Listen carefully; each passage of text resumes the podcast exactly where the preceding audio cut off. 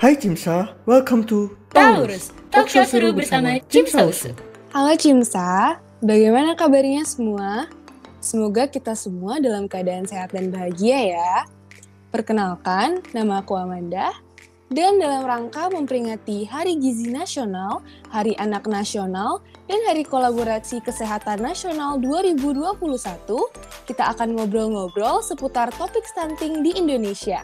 Oleh karena itu, sudah hadir bersama kita Kak Larisma Fuan Sakina sebagai narasumber dari Himpunan Mahasiswa Gizi Politeknik Kesehatan Medan. Selamat pagi, Kak. Pagi, Kak. Dan juga telah hadir bersama kita Kak Warda Samara Azahla, staf BKPRA ISM KMI Universitas Airlangga sebagai narasumber dari ISM KMI. Selamat pagi, Kak. Selamat pagi, Kak. Seperti yang kita tahu, untuk menangani masalah stunting, diperlukan adanya kerjasama antara para tenaga kesehatan, di mana perlu adanya penerapan kolaborasi tenaga kesehatan yang berkembang saat ini, atau yang sering kita kenal sebagai interprofessional collaboration atau disingkat dengan IPC. Kak Warda dan Kak Larisma kira-kira pernah dengar nggak ya? Pertama, saya sudah mengenal apa yang namanya dengan IPC, yaitu Interprofessional Collaboration, yaitu mengenai tentang kolaborasi antara tenaga kesehatan. Oke, makasih Kak Larisma buat jawabannya. Mungkin sekarang dari Kak Warda boleh juga nih, pernah denger nggak ya tentang istilah Interprofessional Collaboration atau IPC? Wah, tentunya udah pernah denger sih Kak tentang IPC itu, Interprofessional Collaboration. Nah, topik yang akan kita bahas kali ini yaitu stunting. Interprofessional Collaboration itu sangat dibutuhkan gitu ya Kak Manda. Nah, maka dari itu, saya juga yang merupakan bagian dari ISM KMI, dari perwakilan mahasiswa kesehatan masyarakat, ketika diundang oleh kakak-kakak ini, wah tertarik banget buat ikut percakapan ini karena kayaknya diskusi ini bakal menarik begitu. Wah, oke okay, Kak Warda. Jadi nggak sabar ya buat lanjutin buat dengerin podcastnya. Oke deh, kalau gitu mungkin kita langsung aja ya teman-teman bener nih kata Kawarda dan Kalarisma tadi, penting banget kolaborasi tenaga kesehatan antara dokter, perawat, farmasi, ahli gizi, bahkan profesi di luar tenaga kesehatan juga semuanya ikut berperan dalam menanggulangi masalah stunting. Misalnya nih, kalau dari kedokteran tuh penting banget dari mulai seribu hari pertama kehidupan, yaitu usia 0 sampai 2 tahun usia anak, dokter akan memberikan pelayanan kesehatan kehamilan, yaitu lewat antenatal care. Antenatal care itu pemeriksaan kehamilan untuk mengoptimalisasikan kesehatan mental dan fisik ibu hamil supaya persalinan dapat berjalan lancar dan bayi dapat terlahir sehat. Nanti itu biasa akan meliputi pengukuran berat badan dan tekanan darah ibu, pengukuran lingkaran ke atas, pengukuran tinggi puncak rahim, penentuan presentasi janin dan denyut jantung janin, pemberian imunisasi, tablet tambah darah, tes laboratorium, penanganan kasus, dan juga konseling. Nggak lupa juga bakal ada pemberian nutrisi yang merupakan aspek penting. Nah, jadi untuk pemberian tablet darah dan pemberian nutrisi ini mungkin boleh nih dikasih tahu lebih lengkapnya dari Kak Arisma dari sudut pandang gizi, gimana nih pentingnya pemberian nutrisi ini untuk mencegah stunting? Baik Kak, di sini saya akan menjawab. Yang pertama tadi stunting ya. Stunting itu adalah masalah gizi yang disebabkan oleh kekurangan gizi kronis. Nah, ketika seorang ibu hamil, maka dia membutuhkan energi ataupun zat gizi yang lebih ketimbang sebelum dia hamil. Nah, untuk itu ibu hamil memerlukan tablet tambah darah sebanyak 90 tablet selama masa kehamilan. Untuk stunting tersebut, ada beberapa hal yang menyebabkannya. Yang pertama itu mengenai 1000 HPK. Nah, dalam 1000 HPK ini, ibu hamil diberikan nutrisi yang baik ya, misalnya tadi melalui tablet tambah darah untuk mencegah seorang ibu itu anemia. Kemudian memakan makanan bergizi seperti yang tinggi protein, asam folat, zinc seperti itu untuk perkembangan janinnya. Nah, perlu diketahui juga bahwa seorang ibu yang sedang hamil mengalami anemia akan lebih rentan melahirkan seorang bayi yang BBLR. Nah, BBLR ini lebih stunting. Tapi penyebab stunting ini bukan hanya melalui uh, bukan hanya makan saja, tapi ada juga melalui pola asuh ibu karena faktor lingkungan juga seperti itu. Untuk mencegah stunting ini, maka diberikan intervensi seperti pemberian makanan yang bergizi, ASI eksklusif dari 0 sampai 6 bulan, kemudian dilanjutkan dengan MPASI seperti itu. Mengenai pola asuh ibu juga sedemikian, misalnya sebelum memberi bayi makan seperti itu sebelum me memegang bayi harus mencuci tangan pokoknya kebersihan ibu itu juga merupakan hal yang terpenting untuk pencegahan stunting ataupun intervensi agar bayi terhindar dari stunting tersebut. Wah, oke. Okay. Terima kasih Kak Larisma buat jawabannya. So, teman-teman jadinya penting banget ya mengenai pemberian nutrisi dan juga perlu kita lakukan banyak juga tahap-tahap intervensi untuk lebih lengkap mencegah dari stunting ini. Juga Manda mau nambahin sedikit nih, ada juga ya teman-teman pemberian ASI eksklusif hingga usia 6 bulan dan pemberian empasi yang dilakukan sejak bulan ke-7. Juga pemberian suplementasi yang mungkin udah disinggung dikit oleh Kak Larisma dan ada juga pemberian obat cacing, pemantauan dan pencegahan malaria dan nggak lupa mengukur tinggi badan, menimbang berat badan bayi dan memantau perkembangan bayi secara umum secara berkala. Nah, mungkin dari segi kesehatan masyarakat, Kak Warda mau juga nih kasih pendapatnya dong tentang pentingnya nutrisi dalam pencegahan stunting. Iya, Kak. Jadi, terima kasih atas pertanyaannya ya. Saya mencoba menjawab dari sisi kesehatan masyarakat. Jadi, jika kita uraikan dari awal, stunting kan merupakan salah satu masalah kesehatan masyarakat ya yang menjadi prioritas di negara Indonesia sesuai dengan itu, maka sesuai juga dengan Sustainable Development Goals yang telah dicanangkan di tahun 2015, hal tersebut menjadi salah satu target di dalamnya. Nah, maka dari itu, dalam tujuan pembangunan berkelanjutan kedua di Indonesia, yaitu menghilangkan kelaparan dan segala bentuk malnutrisi pada tahun 2030, serta mencapai ketahanan pangan. Nah, maka dari itu, pemerintah Indonesia menunjukkan keseriusannya dan bentuk nyatanya dengan adanya sembilan agenda prioritas.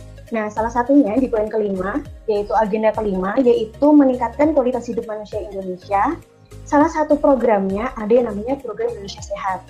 Nah, dalam hal itu juga, seperti yang kita tahu, Presiden berkomitmen tuh juga merealisasikannya dalam lima pilar pencegahan stunting dan salah satunya ada pemberian intervensi, strategi percepatan pencegahan stunting dan lain sebagainya. Nah, kalau berbicara bagaimana peranan profesi fakultas masing-masing ya, kayaknya kalau menurut saya lebih baik kita tidak bisa metak-metakan profesi ini sebenarnya di bagian ini. Misal ahli gizi di A, tenaga kesehatan masyarakat di B, kedokteran di C, sanitarian di Z dan lain sebagainya kan tidak bisa ya. Ya, kalau saya pikir tidak baik jika seperti itu karena stunting yang menjadi problematika prioritas Indonesia ini membutuhkan dan menekankan adanya kolaborasi lintas sektor dan dari berbagai pihak seperti itu. Tetapi jika melihat dari intervensi-intervensi atau penanganan yang diberikan oleh pemerintah Indonesia, ada dominasi peranan kesehatan masyarakat yaitu berada di strategi percepatan pencegahan stunting yaitu pada intervensi ada ada dua. Kalau intervensi spesifik seperti yang tadi sudah kita bicarakan dari tadi yaitu pada lintas sektoral kesehatan. Nah, kemudian kalau sensitif, intervensi sensitif itu berada pada sektoral non kesehatan. Di keduanya kesehatan masyarakat berperan membantu dan menyongsong, baik itu dari sektor kesehatan dan non kesehatan. Pada non kesehatan, seperti yang kita tahu, satu masyarakat juga meliputi KB, seperti itu ya, sanitarian, kesehatan lingkungan dan lain sebagainya. Kemudian ada juga tiga poin dalam penanganan stunting yang menekankan keterlibatan tenaga kesehatan masyarakat, yaitu yang pertama pemantauan gizi yang benar, bagaimana cara memantau dengan sistem yang benar, apakah standar operasionalnya sudah benar, apakah standar pelayanan minimalnya sudah benar, dan lain sebagainya. Kemudian yang kedua ada tata laksana rujukan berjenjang. Jadi adanya pengaktifan poros-poros posyandu, kemudian rumah sakit, klinik swasta, dan lain sebagainya yang menjadi salah satunya puskesmas dan posyandu yang menjadi fondasi dari penanganan stunting ini. Kemudian yang terakhir adalah intervensi gizi bagaimana promosi kesehatan memperbaiki dan berperan dalam komunikasi perubahan perilaku dari stunting ini. Karena perlu adanya edukasi pola makan yang berbasis protein hewani dalam seribu hari pertama kehidupan tersebut. Begitu, Kak. Wah, bener teman-teman. Jadi udah jelas banget ya, lengkap tuh tadi Kak Warda jelasinnya gimana peranan mahasiswa kesehatan masyarakat dalam menangani stunting. Nah, teman-teman podcast Taurus, Menteri Koordinator Bidang Pembangunan Manusia dan Kebudayaan Muhajir Effendi telah menegaskan upaya penurunan angka stunting di Indonesia harus mencapai target yang telah dicanangkan Presiden Joko Widodo, yaitu berada di angka 14% pada tahun 2024 atau di bawah 680 ribu per tahun. Nah, berita baiknya nih, berdasarkan hasil survei status gizi balita Indonesia tahun 2019, saat ini telah terjadi penurunan prevalensi stunting dari 30,8% pada tahun 2018 menjadi 27,67% persen di tahun 2019 atau turun sekitar 3,13 persen. Namun ini sebenarnya tetap belum ya mencapai target akhir kita yakni di bawah 14%. Menurut Kalarisma dulu nih mungkin boleh sebagai mahasiswa gizi, apakah ada target akhir atau target khusus yang harus dicapai dari stunting dan kira-kira udah sampai mana sih Kak progresnya? target akhir kita sebagai tenaga gizi ataupun kolaborasi dengan tenaga-tenaga kesehatan lainnya tentunya untuk menurunkan angka stunting yang sudah ditetapkan oleh pemerintah. Seperti yang sudah dijelaskan tadi bahwa target pada tahun 2024 prevalensi stunting mencapai 14%. Tentu dengan itu kita harus melakukan intervensi guna untuk menurunkan angka stunting tersebut. Melihat dari dampak disebabkan oleh stunting ataupun masalah gizi yang sebenarnya ini serius ya untuk kelangsungan bangsa ataupun generasi bangsa selanjutnya. Dilihat dari jangka pendek, stunting ini bisa menyebabkan terganggunya perkembangan otak, kecerdasan, dan metabolisme tubuh ataupun gangguan pertumbuhan pada seorang anak. Kemudian dilihat dari jangka panjangnya, ini akan menyebabkan melemahnya kognitif pelajar, uh, menurunkan prestasi anak, lebih mudah terserang penyakit infeksi maupun penyakit-penyakit lainnya. Dan ketika ketika dia nanti sakit, maka seorang anak stunting akan lebih sulit untuk sembuh dibandingkan anak-anak yang non stunting. Dengan melihat dampak yang begitu serius yang disebabkan oleh stunting, tentu kita sebagai tenaga kesehatannya baik tenaga kesehatan bidan, perawat ataupun yang lainnya eh, berkolaborasi dalam upaya menurunkan prevalensi stunting di Indonesia. Tentunya supaya terrealisasikannya pada tahun 2024 nanti prevalensi stunting sebesar 14%. Sejauh ini target yang 14% itu menurut kakak udah sampai mana nih kak? Apakah kita sudah mulai mendekati atau masih jauh-jauh aja deh kayaknya bisa aja nih nggak tercapai targetnya gitu? Melihat perkembangannya ya tadi dari tahun 2018 ke 2019 sudah mencapai 3,38 persen ya penurunannya. Kemudian untuk tahun 2024 mencapai 14 persen. Saat ini kita sedang berusaha ya kolaborasi bersama dengan tenaga kesehatan lainnya untuk mencapai target tersebut.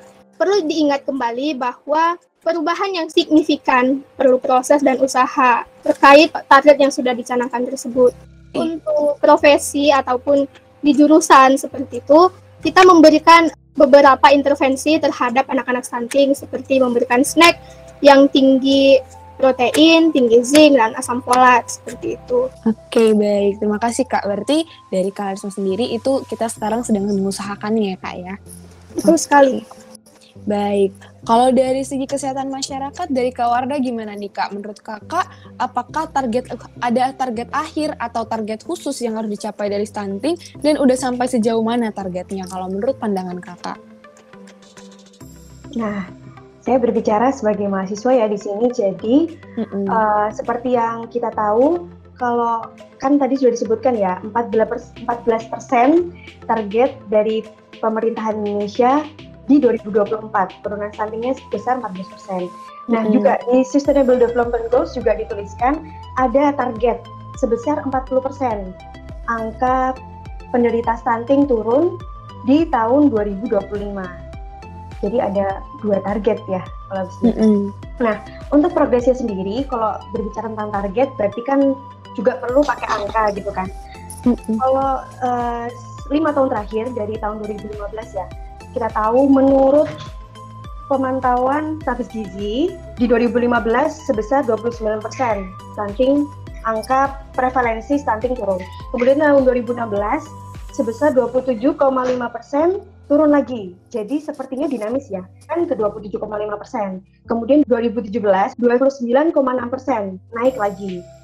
Nah, seperti yang sudah dikatakan tadi, di tahun 2015 menurut, menurut Riskesdas naik menjadi 30,8 persen.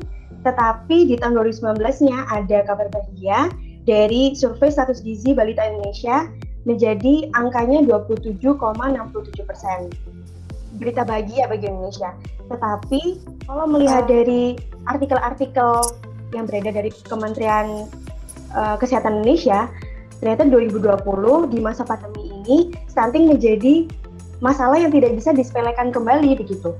Jadi kalau melihat dari progres seperti itu, sepertinya kalau tadi pertanyaannya apakah kita bisa tuh mencapai target itu gitu. Kalau saya tidak bisa berbicara oh bisa oh tidak bisa gitu ya kak. Karena seperti yang diberitakan juga oleh Kementerian Kesehatan pada periode Presiden Jokowi pada Bumulu itu Bunita Mulu itu beliau berkata jika kita kerap bisa menurunkan sebesar 3% per tahunnya maka insya Allah tercapai targetnya. Tapi kita tidak tahu bagaimana dari 2021, 2022 dan sebagainya seperti itu. Nah, untuk angka dari Diskesdas sendiri, dari data sendiri, bagaimana apakah sudah mencapai? Nah, ada di Diskesdas itu data mengenai angka anak yang mendapatkan PMT. Nah, ternyata 59% anak di Indonesia tidak mendapatkan PMT dengan lainnya 41 persennya dapat PMT seperti itu. Oke, baik. Terima kasih Kak Warda buat uh, intiknya mengenai uh, pandangan dari kesehatan masyarakat buat target stunting. Nah, jadi benar ya teman-teman, kita itu sekarang sedang lagi mengusahakan banget supaya stunting ini memang tertangani masalahnya. Nah, jadi ini diperlukan ada kolaborasi yang baik antara tenaga kesehatan yang tadi bisa Manda sebutkan di awal sebelumnya dikenal dengan istilah interprofessional collaboration atau IPC. Dan untuk peningkatan IPC ini dilakukan masa pendidikan untuk IPC melalui interprofessionalism education. Kira-kira dari Kak Larisma dan Kak Warda, ada nggak harapan buat para mahasiswa tenaga kesehatan ke depannya dalam menerapkan interprofessional collaboration untuk menangani stunting? Baik, harapan saya ya sebagai mahasiswa dengan teman-teman sejawat lainnya sebagai mahasiswa tenaga kesehatan, kita belajar dengan baik, tulus hati dan maksimal. Uh, kita lebih memperhatikan ataupun mendeteksi permasalahan kesehatan sekitar kita karena itu memang ranah kita dan mampu melakukan intervensi-intervensi terkait penurunan stunting tersebut walaupun hanya di sekitar kita terlebih dahulu kemudian melonjak uh, cakupannya ke cakupan yang lebih luas. Kemudian memberikan edukasi terhadap orang-orang di sekitar terlebih dahulu bagaimana sih program, bagaimana sih yang perlu dilakukan dalam penanganan masalah gizi tersebut guna agar tidak ada peningkatan kejadian stunting tersebut di Indonesia. Kemudian kita harus tetap terupdate ya dengan berita-berita mengenai ilmu pengetahuan, baik itu di bidang kesehatan dan bidang lainnya, sehingga ketika kita nanti lulus dan menjadi tenaga kesehatan yang keluar dari universitas masing-masing, menjadi tenaga kesehatan yang bisa menerapkan ilmunya kepada masyarakat, pada diri sendiri, kepada orang-orang di sekitar, dan semuanya. Oke, baik. Terima kasih, Kak. Kalau dari Kak Warda bagaimana nih, Kak?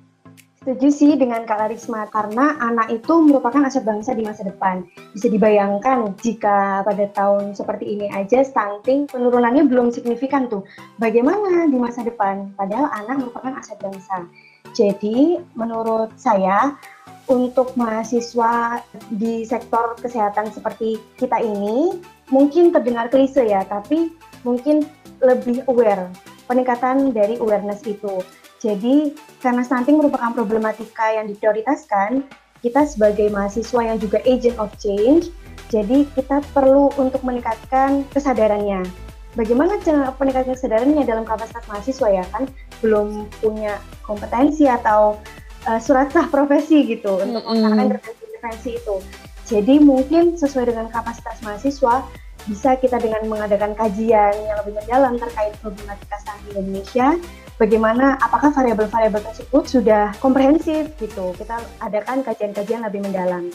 Kemudian juga bisa dengan penelitian-penelitian ilmiah, diskusi-diskusi di kampus, dengan belajar dengan baik, kata Kak Arisma juga, itu juga sangat diperlukan dan menekankan pada kompetensi kita. Biar besok ketika sudah matang dan sudah bisa bekerja, kompetensi kita itu bisa membantu untuk menurunkan dan memperbaiki problematika stunting di Indonesia. Wah, sudah kita dengerin ya teman-teman tadi gimana harapan dari Karisma dan Kak Warda sebagai mahasiswa gizi dan mahasiswa kesehatan masyarakat mengenai stunting. Mungkin harapan kami dari mahasiswa kedokteran sendiri juga dari CIMSA sebagai perwakilan organisasinya adalah supaya mahasiswa kedokteran juga menyadari sebagai mahasiswa tenaga kesehatan kelak menyadari betapa pentingnya IPC dan kolaborasi ini. Karena kita itu perlu melakukan ini dengan tujuan untuk meningkatkan kualitas pelayanan kesehatan pasien, menurunkan biaya perawatan dengan mengurangi lamanya perawatan tadi, lalu juga mengurangi kesalahan medis,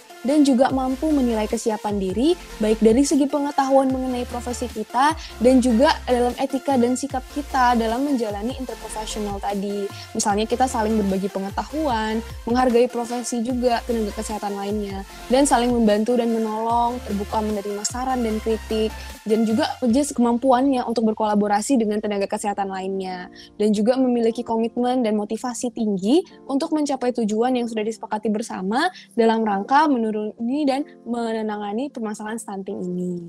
Baiklah pertanyaan tadi kepada Kak Larisma dan juga kepada Kak Warda sekaligus menutup episode podcast kita pada hari ini. Sekali lagi kami ucapkan atas ilmu dan informasi yang telah kita terima pada hari ini, terima kasih kepada narasumber-narasumber kita, Kak Larisma Fuan Sakina sebagai narasumber dari Himpunan Mahasiswa Gizi Politeknik Kesehatan Medan dan Kak Warda Samara Azala sebagai narasumber dari ISMKMI. Terima kasih juga kepada kepada teman-teman pendengar. Semoga bermanfaat untuk kalian semua. Stay safe, stay healthy, dan sampai jumpa di episode Taurus selanjutnya. Jimsa, empowering medical student, improving nation's health.